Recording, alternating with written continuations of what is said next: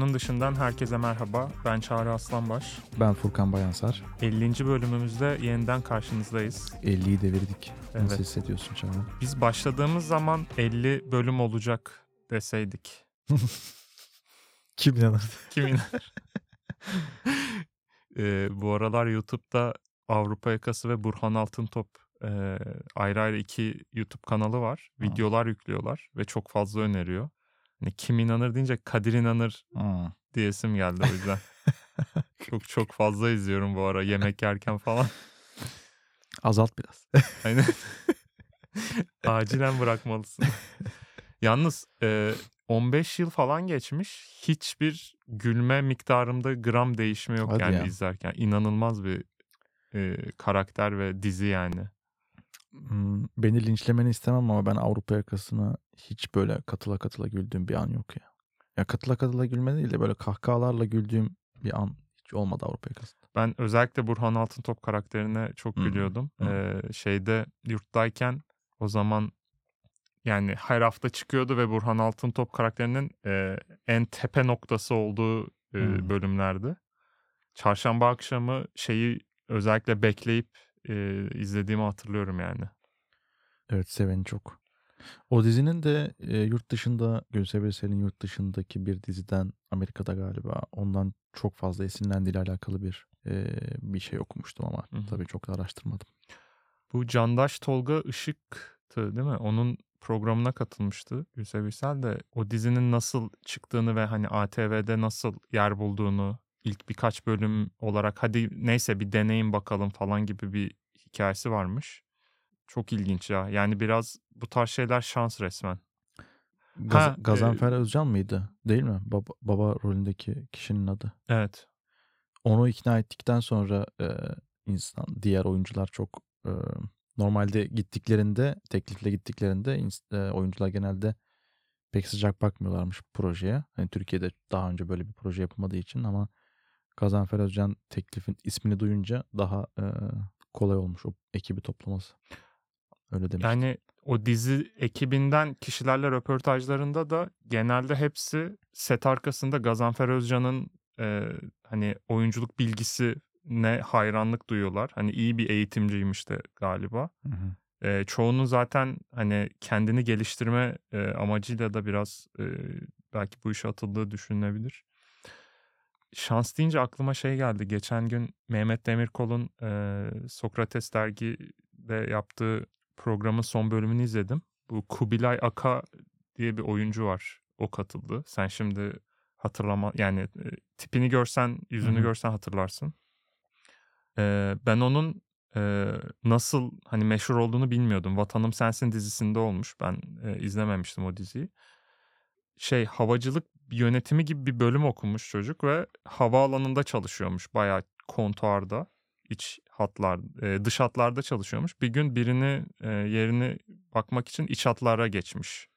Ve e, o zaman onun menajeri olacak kişi check-in yaparken ondan hizmet almış ve bir hani kalksana bir işte konuşsana falan diye şey yapmış adama.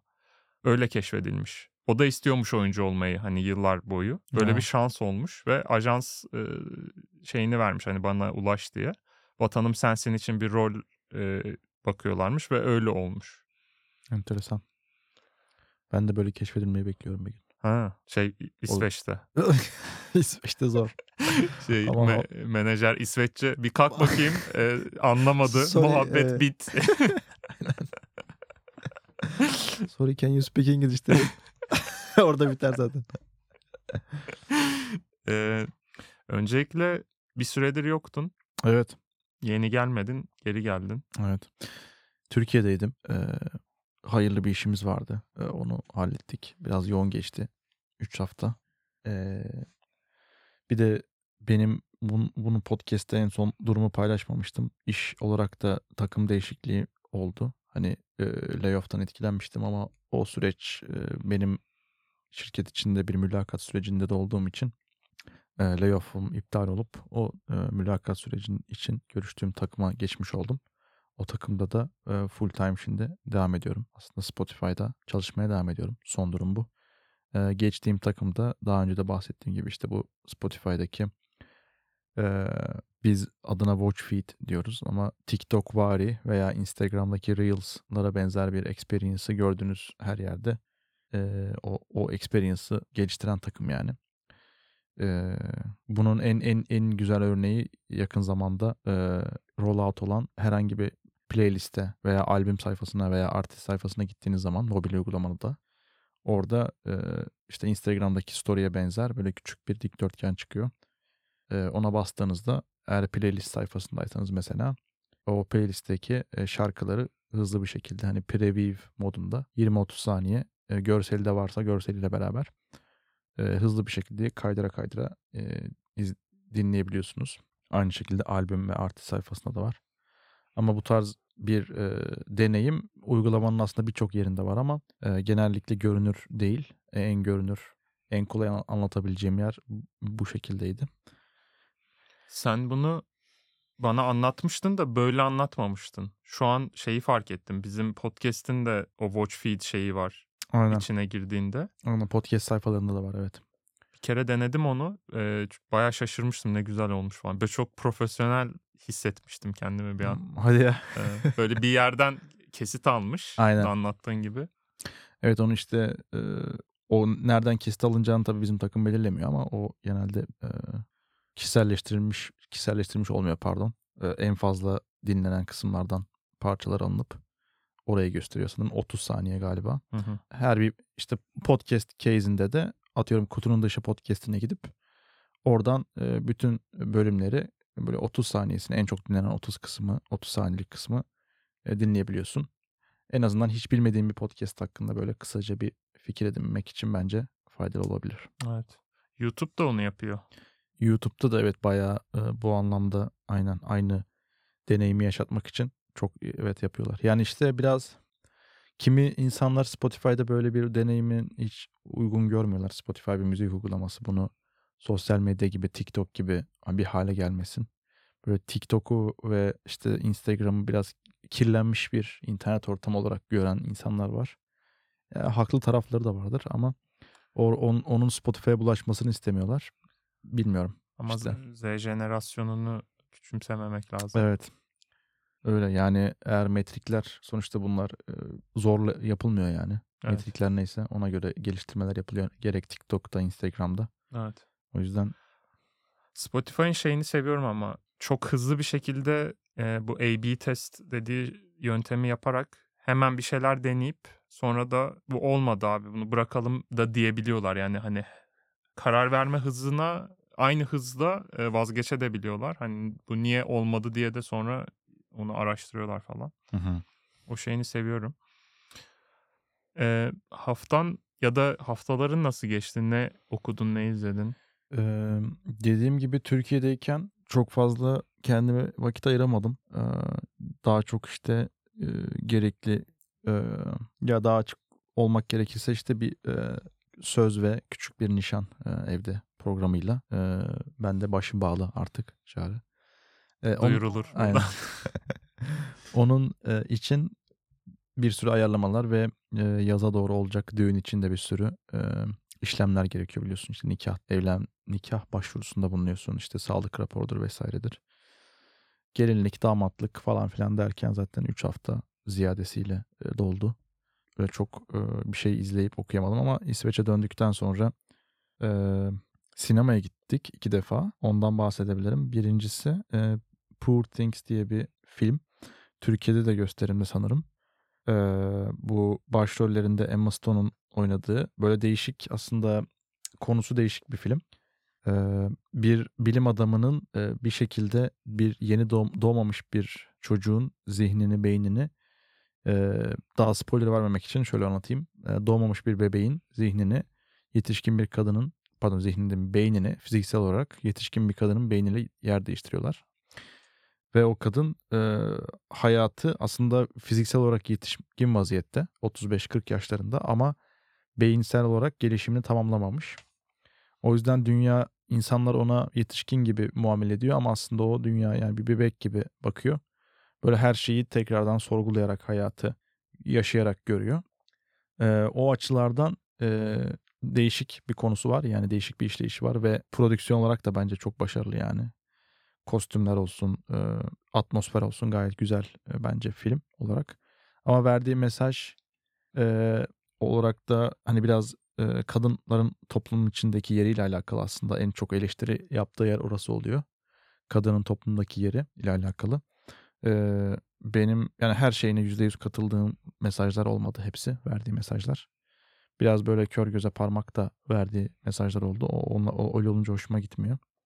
Bir de çok fazla e, erotik unsur vardı. Yani anlatacağı şeyi anlatma konusunda bence o kadarına ihtiyaç yoktu. Yani verdiği mesajı e, daha az e, erotik sahnelerle verebileceğini düşünüyorum.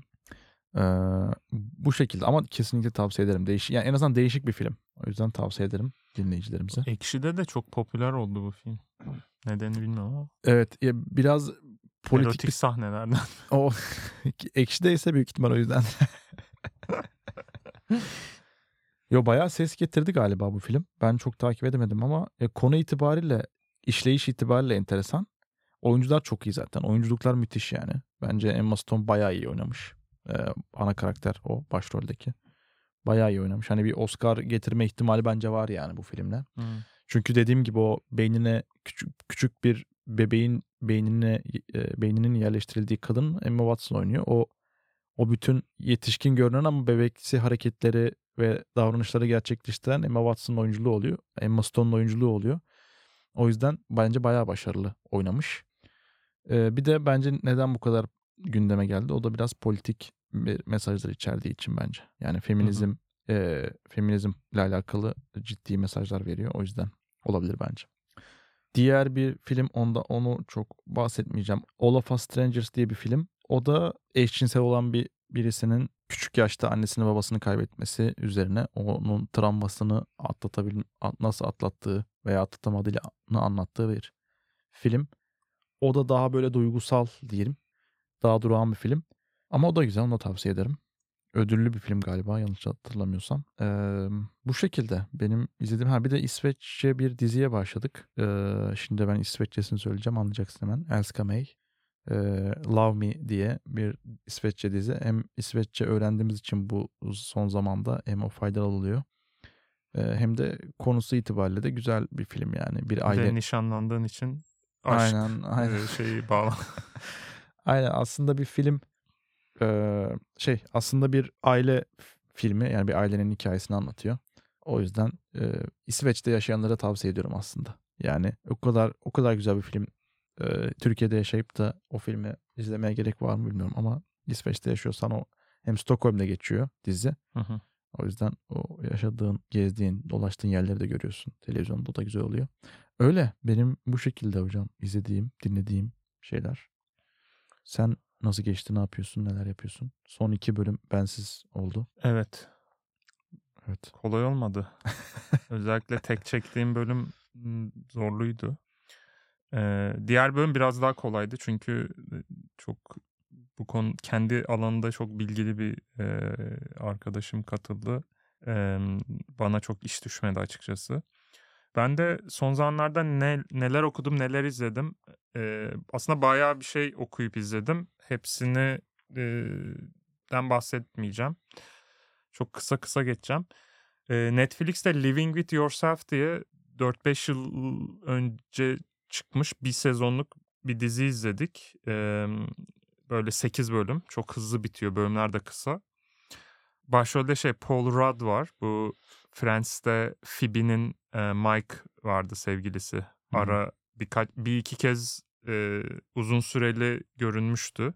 Şu hiç yaşlanmayan bir e, adam e, hatırlar belki dinleyicilerimiz. Başrolde oynuyor. Şimdi diziyi e, anlatacağım ama spoiler olabilir ama anlatmam anlatmak istiyorum. Hani burayı e, atlayabilirsiniz. E, çok sıkıcı bir e, hayatı olan e, bir adam, evli çift, çocukları yok. E, işte her gün işe gidiyor, bir reklam e, ajansın gibi bir yerde çalışıyor. Çok şey zaten giydiği kıyafetlerden falan hani e, ne kadar sıkıcı tek düze bir yaşam olduğunu anlıyorsun. Sonra bir arkadaşı ona sadece e, referans ile girebileceği bir spa e, salonu öneriyor. Sonra oraya gidiyor adam. Spa için onu bayağı ameliyathane gibi bir yerde bayıltıyorlar. ve adam uyandığında e, streç filme sarılmış halde toprağın altında buluyor kendini ve bayağı diri diri gömülmüş. Sonra zor zar zor çıkıyor dışarı. Sonra evine gidiyor. Bir bakıyor şey klonu var adamın.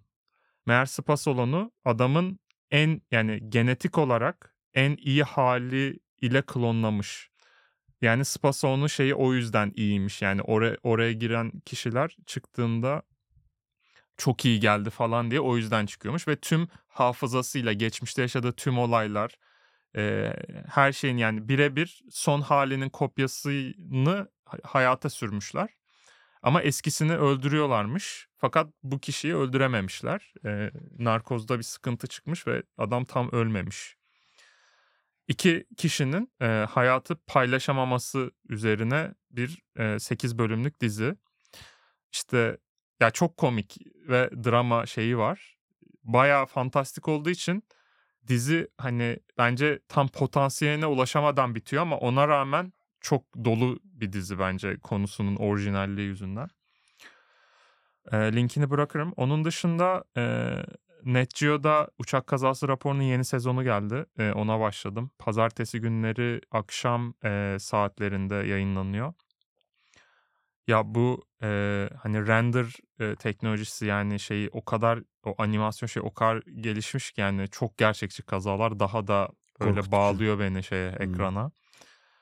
Hatta artık e, 23. sezonu falan e, ilk sezonlarda irdeledikleri kazalardan bazılarını tekrar yapmışlar bu böl- bu sezondaki şey e, daha gerçekçi ve daha farklı bilgilerle e, tekrar ele almışlar. E, bu Gain'de Mahsun J diye bir dizi çıktı. E, bu yeni e, absürt komedi akımına e, bir dizi daha katıldı.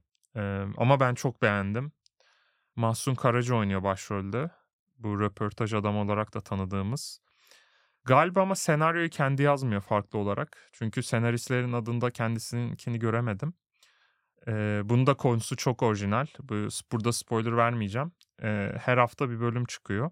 En son 5. bölüm çıktı. Okuduğum iki kitap oldu. Yani e, okuduğum kitaplardan iki tanesi çok ilgimi çekti. Bir tanesi bir borsa spekülatörünün anıları. Ee, bu 1900'lerin başında bir e, nasıl diyeyim e, bucket shop diyorlar. Şu an tabii yok onlar ama e, nasıl diyebilirim? Böyle alsat hani hisselerin alsat yapıldığı ofisler varmış eskiden. Bizim o kapalı çarşıda altının alım satımı yapıldığı gibi. Orada işte kağıt e, not alan, fiyatları takip eden biri olarak e, işe başlayan bir 10 küsür yaşında bir kişinin oradaki işte paternleri görüp bu işe girmesiyle e, zengin olan ama çok fazla batıp çıkan e, bir ünlü bir e, borsa oyuncusu Larry Livingston. E, kendisi spa- spekülatör de oluyor çünkü e, kariyeri boyunca birçok hisse senedinin şeyini adıyla etkilemiş. Ee, onun kendi anılarını anlattığı bir kitabı.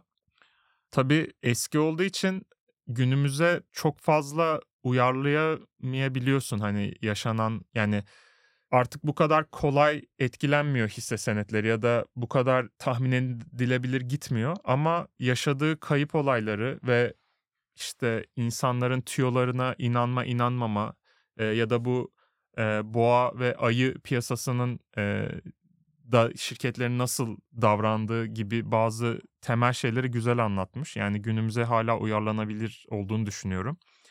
O kitabı bayağı beğendim, onu tavsiye ederim. Bir de daha geçen hafta okuduğum e, Bülent, Ecza, e, Bülent Eczacıbaşı'nın yazdığı Aklımızda Bulunsun kitabı. Böyle 4-5 sayfalık yaklaşık 40 tane denemeden oluşan bir kitap yazmış. İşte iş insanları için denemeler gibi bir şeyi vardı kapağında. Benim çok hoşuma gitti ya. Ben tabii e, yürüyen beyaz yaka e, bir kafa yapım olduğu için şeyi çok beğendim. İşte bir de bu aralar geçici hani yöneticilik şeyi denediğim için e, oradaki tavsiyeleri, bakış açısı e, bayağı beğendim. Üslubu da çok güzel. E, bir iki kitabı daha varmış yazdı. Onları da e, alacağım. E, bayağı hızlı bitirdim. Çok sevdim. Onu da linkini ekleriz. Eee, benim aşağı yukarı bunlar vardı. Şey yaptım, eee, tükettiğim son zamanlarda. Bugün aslında konuyu son dakikada bulduk. Evet. Biraz ondan bahsedelim. Aslında benim sabah seninle paylaştığım bir e, video kesitinin kesiti ilham oldu, ilham oldu bize. E, o da Flu TV'yi takip edenler bilir. Flu TV bu arada bir YouTube kanalı. E, İlker Caniklioğlu ve bir, e, bir, bir arkadaşıyla beraber yürüttükleri bir e, YouTube kanalı. Orada bir e, video serisi var. E, e, Alper Hasanoğlu ile beraber çektikleri. Bu da sanırım psikiyatrist kendisi. Ee, orada bölümlerden bir tanesinde şöyle şu şöyle bir kesit paylaştım. Orada Alper Hasanoğlu İsviçre'ye gidiyor e, doktora eğitimi için galiba yanlış hatırlamıyorsam. Ee, İstanbul'da yaşıyorken e, orada doktoraya hak kazanıp oraya yerleşiyor ve orada eğitimine devam ediyor. O sırada da e, kendi yaşadığı sıkıntılardan dolayı bir e, terapi alıyor. E, yardım alıyor yani psikolojik olarak. E, ve oradaki bir anısını anlatıyor. Bir, bir terapi seansında yaşadığı şeyi anlatıyor. E, tam böyle hani biraz homesick olduğu bir dönem galiba. E, bir yandan diyor ki işte ya benim Türkiye'deki hayatım çok güzeldi. Orada arkadaşlarımla takılıyordum. Havası çok güzeldi. E, Türkiye'yi böyle özlediğiyle alakalı e, şikayetlerde bulunuyor Şey, terapist. şey de diyor. Hala orada yaşayan arkadaşlarım bazen arayıp işte Boğaz'da Ha, rakı balık yaptık. İşte deniz gördük falan şeyleri anlatıyor. Eee, biraz ona da şey yapmış. Evet. Ama kendim devam ediyor işte. Ben İsviçre'de şimdi burada havası kötü. Ee, bir yağmur yağıyor dört gün sürüyor bilmem ne. Hani hiç memnun değil oradaki hava şartlarından ve e, yani Türkiye'ye kıyasla tabii. Ee, ama bir yandan da ben burada e, dünyada en iyi psikiyatri eğitimi alabileceğim bir yerdeyim. Vesaire vesaire. Yani bu oradaki avantajlarıyla beraber söylüyor. Ee, ve bir yerden sonra hani bu kadar şikayetin üstüne e, terapist diyor ki e, bir anda ayağa kalkmış adam ve işte e, demiş ki e, Sayın Hasanoğlu e, bütün oyuncaklara sahip olamazsınız. Artık biraz büyüyün ve başkalarının da oyuncaklara sahip olabileceğini öğrenin demiş. O diyor ki bana bir ders oldu yani. Bütün iyi şeylere aynı anda sahip olmak mümkün olmuyor bazen. İnsan hani bunlara takılmaması gerektiğini dediğim gibi bu biraz da büyümek bu herhalde deyip bir olgun karşılamak gerektiği. Sonuçta biz tercihlerimizle bir kendi hayatımızı belirliyoruz. Tabii ki de e, kontrolümüzün dışında bir sürü olay gerçekleşiyor ama kendi en azından kendi verdiğin kararlar konusunda da biraz artık e, kabullenme veya o durumla barışma, içinde bulunduğun durumla barışmayı da e, kabullenmek gerekiyor. Katılıyorsun bu Ben. Ben kesinlikle katılıyorum aynen. Yani bu terapisti e, ellerinden öperim. Çok iyi haddini bildirmiş. Hocam. Ha, evet Alper Hasanoğlu'na. Ee, ya evet, evet sen ne düşünüyorsun? Sen katılmıyorsun galiba. Evet benim ilk tepkim şu oldu. Yani hiç kimse yani dünyadaki hiç kimse hem Boğaz ya da böyle nostaljik olarak em, özlem beslediği şeyleri yapıp hem de kariyeri ya da eğitimi ya da hayatı için daha iyi olan bir yerde yaşayamaz mı yani yaşamıyor mu fikri geldi. Biraz şey gibi oldu. Sanki e, o psikiyatrın tepkisi bir uyuşturucu karşı tarafı uyuşturmaya yönelik bir yöntem gibi geldi bana. O e, sorgulama şeyini tıkamış gibi. Şey gibi ya bak e, hani olur ya ya bak şeylerin komşunun e, kaynatasının başına ne gelmiş bak şükretmek lazım bak kime Hmm. neler oluyor deyip bir anda hani hayat bir anda önemsizleşiyor ya mesela şey diyorsun Allah E, belamı versin.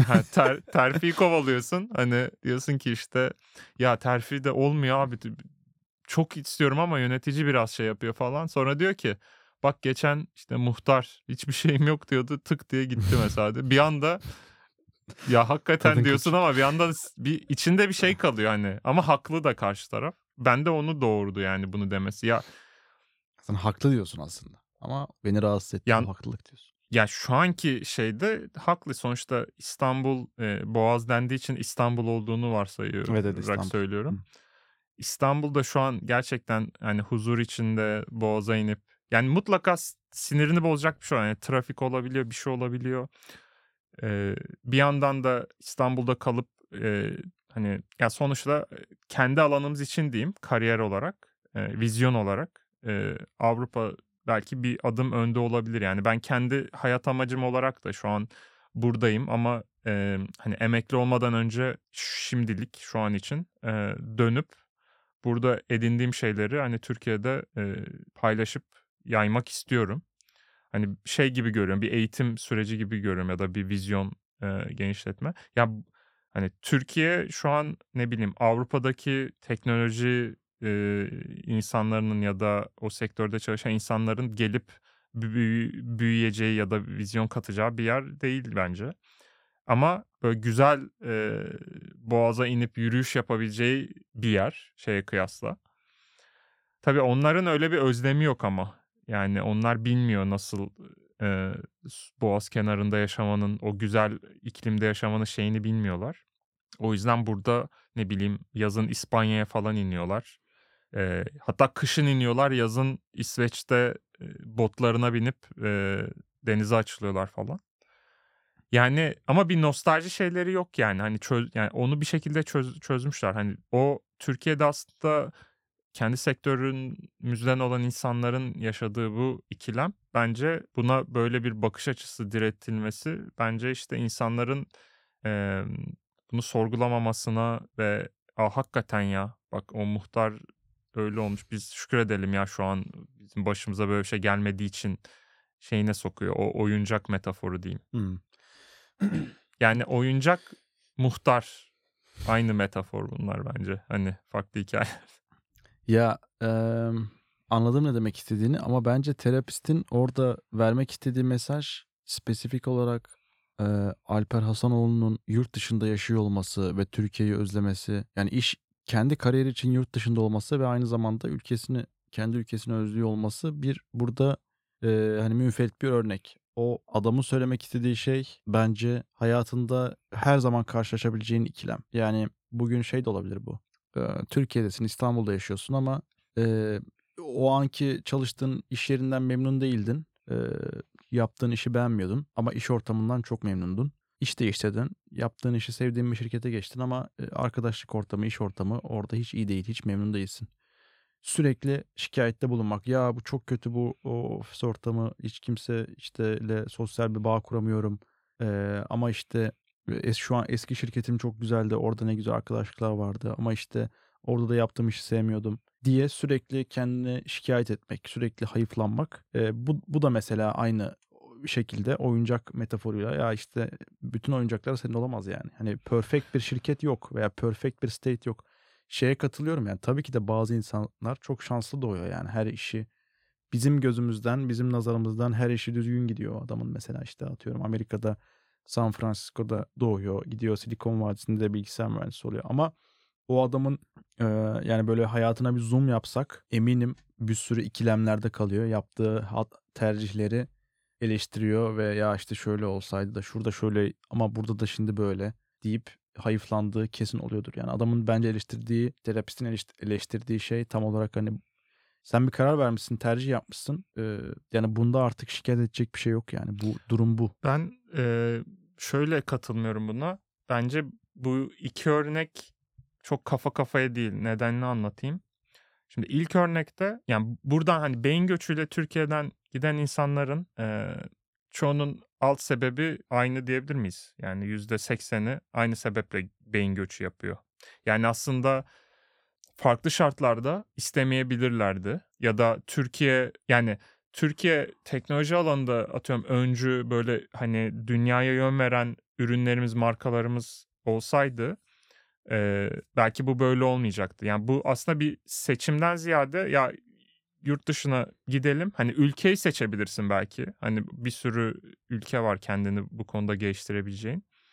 Ama o kişiye şey diyemezsin hani abi mutsuzsan başka ülkeye geç. Ne bileyim Boğaz istiyorsan hani İspanya'da ya da ne bileyim daha sıcak bir ülkeye gidip oradaki şeye taşın ya da geri dön falan diye deyip hani bu şey bir söylem olur. Ya biliyorsun onu yapamaz adam yani. Orada bir sürü şey var yani hani çocuğu varsa çocuğu okula yazmış. Kurulu düzenimiz var. Kurulu düzeni var abi adamın. Ama diğer örnekte mesela şirketten memnun değil atıyorum birisi yaşadığı. Yani yaşadığı il, ilden bağımsız.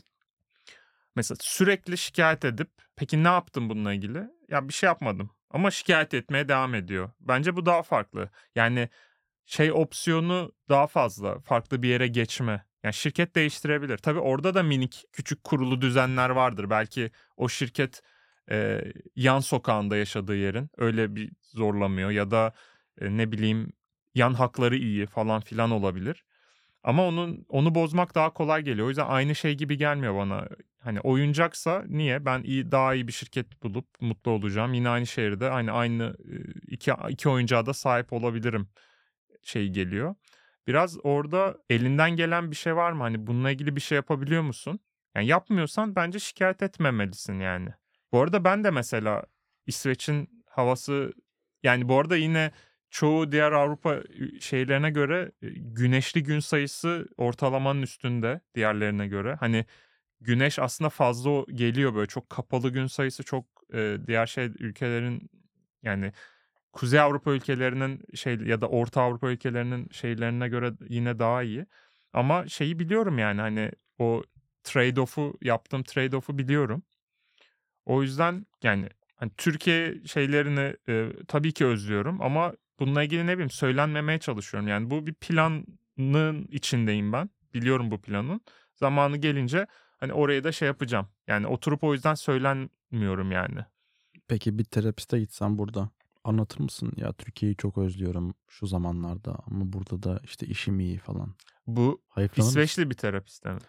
Ya fark etmez. Türk diyelim hadi. Yani bu şeyi bilmesi lazım bence. İsveçli olsun. İsveçli bil- bilemez abi nasıl anlatacaksın ona boğazı falan.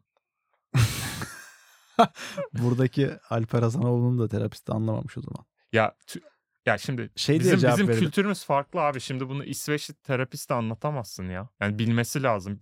Mesela ben O belki zaman bu sen biraz şu cevabı verirdin o terapiste. Gel seni bir boğaza götüreyim. bu Boğazda, ekip şeye gidiyoruz akşam. boğazda bir rakı balık yapalım da görsen.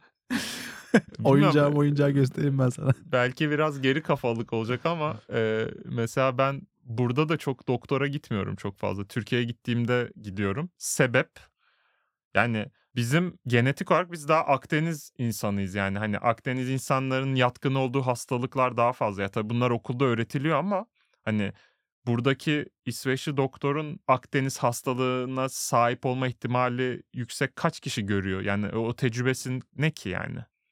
Tabii büyük ihtimal en son e, okulda gördüğü çok hastalık vardır. E, Evet yani burada hiç hani pratikte görmediği. çok çok nadir hastalıktır onun burada. Yani mesela ne bileyim e, bu şeyden taşınıp e, işte Türkiye'den taşınıp burada kış aylarında böyle daha egzama kaşıntı gibi olan etrafımda en az 4-5 kişi var. E, sadece Türk de değil yani sıcak ülkelerden buraya taşınmış. Ya tabii bu artık daha bunu artık anlıyorlardır, anlamışlardır da hani bu tarz şeylerden bahsediyor. Mesela bunu şeye gitsen, yani Türkiye'deki doktora ya ben İsveç'te yaşıyorum de şak diye onu anlar. Bilmiyorum bu biraz geri kafalı bir şey mi e, söylenme ama hani terapist de bana öyle geliyor ya. Bunu bunu Türk terapiste anlatırsın ya da Türk Hmm. kültüründe yetişmiş bir terapist ya da psikiyatr ya da psikolog. Yani bana damdan düşen birisi lazım diyorsun. Ama terapist yani kendi danışanının e, sorunlarını çözebilmek için her şeyi yaşamış mı olması gerekir? Yaşamı yaşamış olmak zorunda değil. Benim sorunumu anlaması için yani. Hı. Yani boğazda rakı balığı nasıl bir şey olduğunu. ya ya da şöyle diyeyim ya. Anlar tabii ki de. e, Şimdi bir kere Türkçe konu anlatmam lazım bunun. Öyle bir bariyer var. Dil bariyeri. Diyelim ki e, çok iyi gelişti e, ChatGPT falan artık Evet. cayır cayır Türkçe konuşuyorsun anında onu e, lokal çeviriyor dile. Öyle bir imkanımız var. Yani benim biraz daha efor harcamam lazım bunu onu anlatmam için.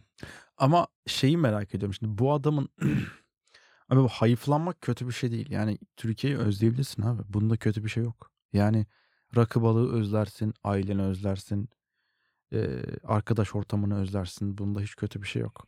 Ama benim anladığım size gönderdiğim video kestinden bu adamın terapi seanslarının büyük bir bölümü hep bu hayıflanmayla geçiyordu ve artık terapist bir yerden sonra dedi Evet. ki ya senin yani al yani bu metaforu yapmak zorunda kaldı. Evet.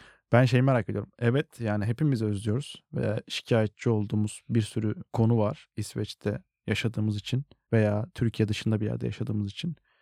Ama bunu ne kadar e, kendi zihnimizde bir problem olarak görüyoruz. O, o bence kritik bir şey. Evet. Bu arada katılıyorum. Beni en çok rahatsız eden bir şey konusunda düzenli olarak şikayetçi olup bir aksiyon almayan e, kişiler beni daha çok e, sinirim bozuyor. Yoksa şeyde hiçbir sıkıntı yok. Yani özleyebilirsin yani tabii ki.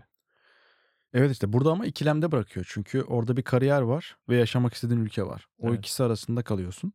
Aksiyon almanı engelleyen bu dilemma oluyor aslında. Evet.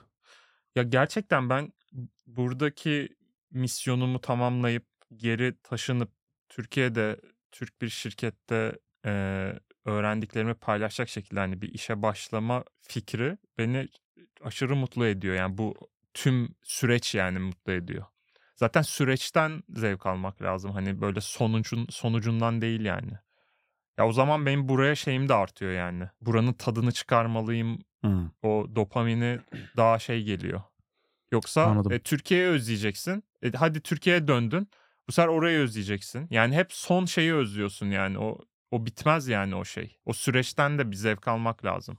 Ya süreçten o zaman oraya yani bu kişinin İsviçre'ye taşınmış olması şans değil ya da biri zorla onu oraya yollamadı. O istemiş orayı. Yani demek ki bir yani o o süreçten zevk alması için bir sebep var. Onu bulması lazım yani. Evet doğru. Evet terapist biraz şey e, sert girmiş. Bence şeye de bakılmalı. Tabii bu şimdi şaka da şaka diyorum da hani terapinin bitimine kaç dakika kala demiş bunu. Değil mi? şey olur ya böyle bir hani böyle saate bakar. Ya oyuncak Oyuncak diyorduk. Olabilir.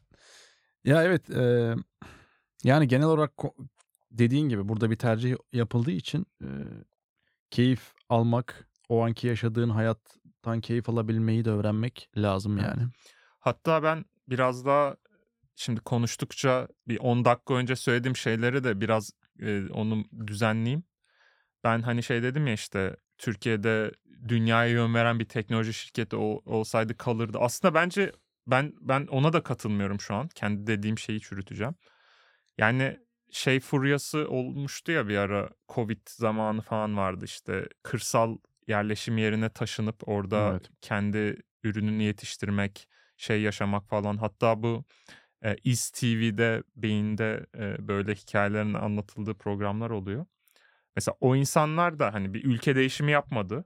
Yani e, bu konuda daha iyi tecrübe edince bir yere de gitmedi. Ama bir şey için gitti ve o insanların da hani özlediği şehirde ya da karavanla bir yer sürekli Türkiye'yi geziyorsun. Onun da özlediği şeyler var. Ya ama ama o istediği için gitti. Yani kimse ona zorla ya bak bu karavanı al ve gez demedi ya da bu tarlayı al burada yaşa huzurlu e, huzurlu bir ortamda yaşa demedi.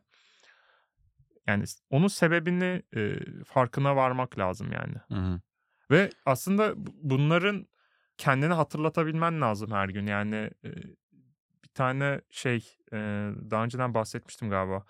Hani Get Things Done dersi almıştım şeyde şirket Hı hı. iç şeyinde. Orada adam şey diyordu hani her gün e, hayatını takdir edeceğin ya da e, appreciate edeceğin 2-3 şey hatırlat kendine. Yani varlığını şeyini. Hani biraz böyle çok e, Instagram'da takipçi kasan e, Motivasyon konuşmaları. motivasyon konuşmacısı gibi şey oluyor ama hakikaten o şeyleri e, bazı takdir edeceğimiz şeyleri atladığımız için edemiyoruz yani ve onları aslında hatırlamak e, şey yapıyor seni ya. Hani bazen anlık çok mutlu oluyorsun ya oluyor mu sana bilmiyorum. Bir anda keyifleniyorsun böyle aklına bir iki güzel şey aynı anda geliyor. İşte evde ulan e, şey var işte çok ne bileyim çikolatalı kek vardı ya dünden kalan falan. Hmm. bir, bir şey daha oluyor. Anlık mutlu olup sonra çok kötüye de dönebiliyor bir anda böyle bir peak oluyor. Hani onun gibi. Evet. Yaz ayları geldiğinde kışlık kıyafetleri kaldırıp yazlık kıyafetleri indirince cebinden 5 lira 10 lira çıkması Aynen. kadar. Abi sen bunu anlatırken ben o yazın i- giymek bile bana yetti yani. Ha, O mutlu ed- yaz, yaz lafı bile. Yavrum Beş- İsveç'te güneş görmediği için Yazın yaz kelimesi bile mutlu ediyor. Cebinden şey aidat makbuzu çıksa yani ben borçlu olsam bile hani sıkıntı yok. O şortu giydim yeter ki yani. Ee, bayağı oldu. Kapatalım bölümü istersen. Ee, bu arada bu bölümü editlerken biraz daha zaman kazanmak için ı yaptığımız ya da böyle teklediğimiz kısımları silmeyeceğiz ilk kez. 50. bölüm sürprizi bu oldu. Sürprize bak. Harika bir sürpriz. Eğer gerçekten e, bu sizin dinleme tecrübenizi etkilediyse e, hani geri bildirimlerinizi merak ediyoruz. Biraz bizim için de daha iyi olacak böyle daha doğal olsun istiyoruz. Kendimizin de bu konuşma şeklimize de dikkat ediyoruz artık. Kendi challenge'ımız diyebiliriz bunun için. E, geri bildirimlerinizi bekliyoruz. E, şimdiden teşekkür ederiz. Diyelim ve bölümümüzü kapatalım. E, bir sonraki bölümde görüşmek üzere. Hoşçakalın. Görüşmek üzere. Hoşçakalın.